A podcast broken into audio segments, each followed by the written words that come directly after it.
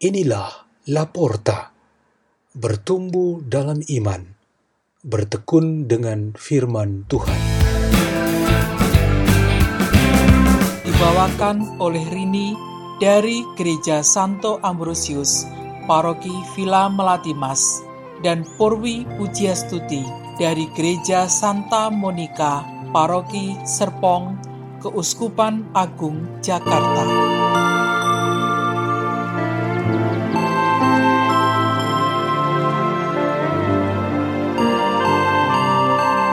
Bacaan dan Renungan Sabda Tuhan Hari Selasa, Pekan Biasa ke-17, 27 Juli 2021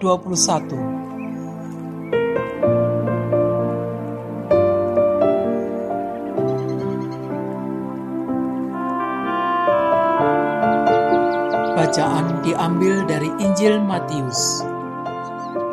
Pada suatu hari, Yesus meninggalkan orang banyak, lalu pulang. Para murid kemudian datang dan berkata kepadanya, "Jelaskanlah kepada kami arti perumpamaan tentang lalang di ladang itu." Yesus menjawab, "Orang yang menaburkan benih baik ialah Anak Manusia. Ladang itu ialah dunia.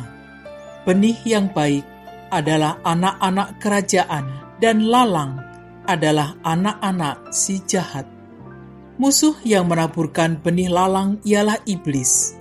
Waktu menuai ialah akhir zaman, dan para penuai itu malaikat.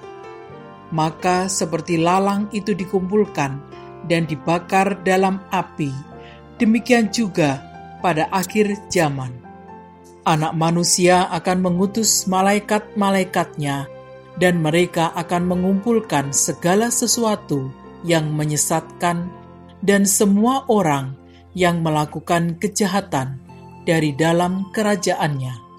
Semuanya akan dicampakkan ke dalam dapur api. Di sanalah akan terdapat ratapan dan kertak gigi. Pada waktu itulah orang benar akan bercahaya seperti matahari dalam kerajaan Bapa mereka.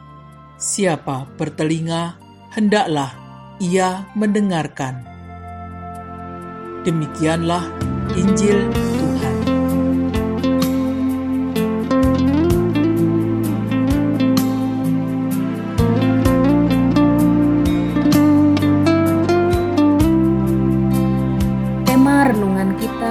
hari ini ialah dunia nyata, bukan mimpi. Kita baru saja mendengar bacaan Injil tentang makna penaburan benih dan tumbuhnya lalang bersamanya sampai saat musim panen. Satu unsur dari pemaknaan perumpamaan itu, kata Yesus, ialah ladang atau lahan penanaman yang dimaknai sebagai dunia. Dunia yang dimaksudkan di sini ialah dunia nyata, tempat Anda dan saya berada sekarang dan di sini. Dunia nyata diisi dengan kehidupan kita.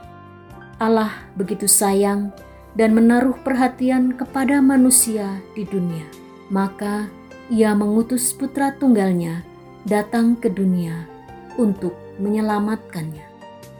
Yesus Kristus mendirikan kerajaannya di dunia yang berwujud gereja untuk mewadahi semua umat Allah agar dapat mencapai keselamatan dan akhirnya masuk dalam kerajaan surga yang abadi. Dunia ini dan pribadi-pribadi manusia yang mendiaminya menjadi pilihan Yesus Kristus. Ia rela mati dengan demi kebaikannya. Kita semua adalah pendosa atau Paling kurang, hidup kita pernah dengan kesulitan karena bersama dengan semua jenis lalang.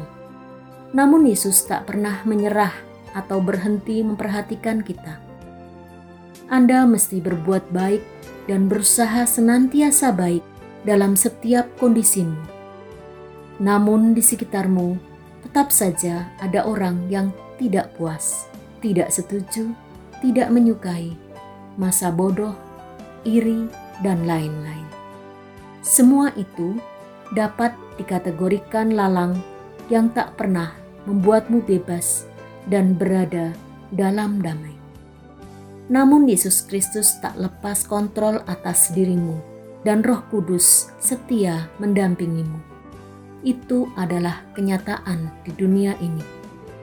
Kenyataan di dunia ini tak bisa kita hindari. Kita dapat menghadapi dengan bantuan semua ajaran kebenaran dan kebaikan dari Tuhan. Seperti Musa dan umat Allah yang kembali dari praktik berhala dan berpaling kepada Tuhan, kita berusaha juga untuk selalu optimis dan berniat baik ketika kita masih hidup di dunia nyata ini. Sikap ini mendukung rasa betah dan tetap berusaha aktif untuk membaharui diri dan dunia tempat kita berada. Orang meski terlepas dari angan-angan, khayalan, dan mimpi yang bisa membuatnya pesimis dan anti akan dunia nyata ini bermimpi untuk terlepas dari dunia nyata ini hanya karena tidak tahan dengan situasinya saat ini, mungkin bisa disamakan dengan empat roda mobil yang berputar di atas bahu jalan berbatu dan aspal. Roda belakang terus saja bermimpi atau berhayal, saya ingin berada di posisi depan, biar tiba duluan. Tapi, kapan ya saya bisa? Banyak dari kita sering jatuh dalam angan-angan seperti ini, yang berarti bahwa mereka tidak betah, tidak optimis dan realistis tentang hidupnya di dunia ini. Semoga Anda dan saya tidak seperti ini, tetapi tetap realistis dan optimis. Marilah kita berdoa dalam nama Bapa dan Putra dan Roh Kudus. Amin. Ya Allah Bapa Maha Murah, Engkau mempercayakan dunia ini untuk kami perbaharui. Semoga kami senantiasa setia dalam jalan yang telah dilalui Yesus Kristus Putramu untuk mencintaimu dan sesama kami. Kemuliaan kepada Bapa dan Putra dan Roh Kudus seperti pada waktu permulaan, sekarang, selalu, dan sepanjang segala abad. Dalam nama Bapa dan Putra dan Roh Kudus. Amin. La porta, la porta, la porta.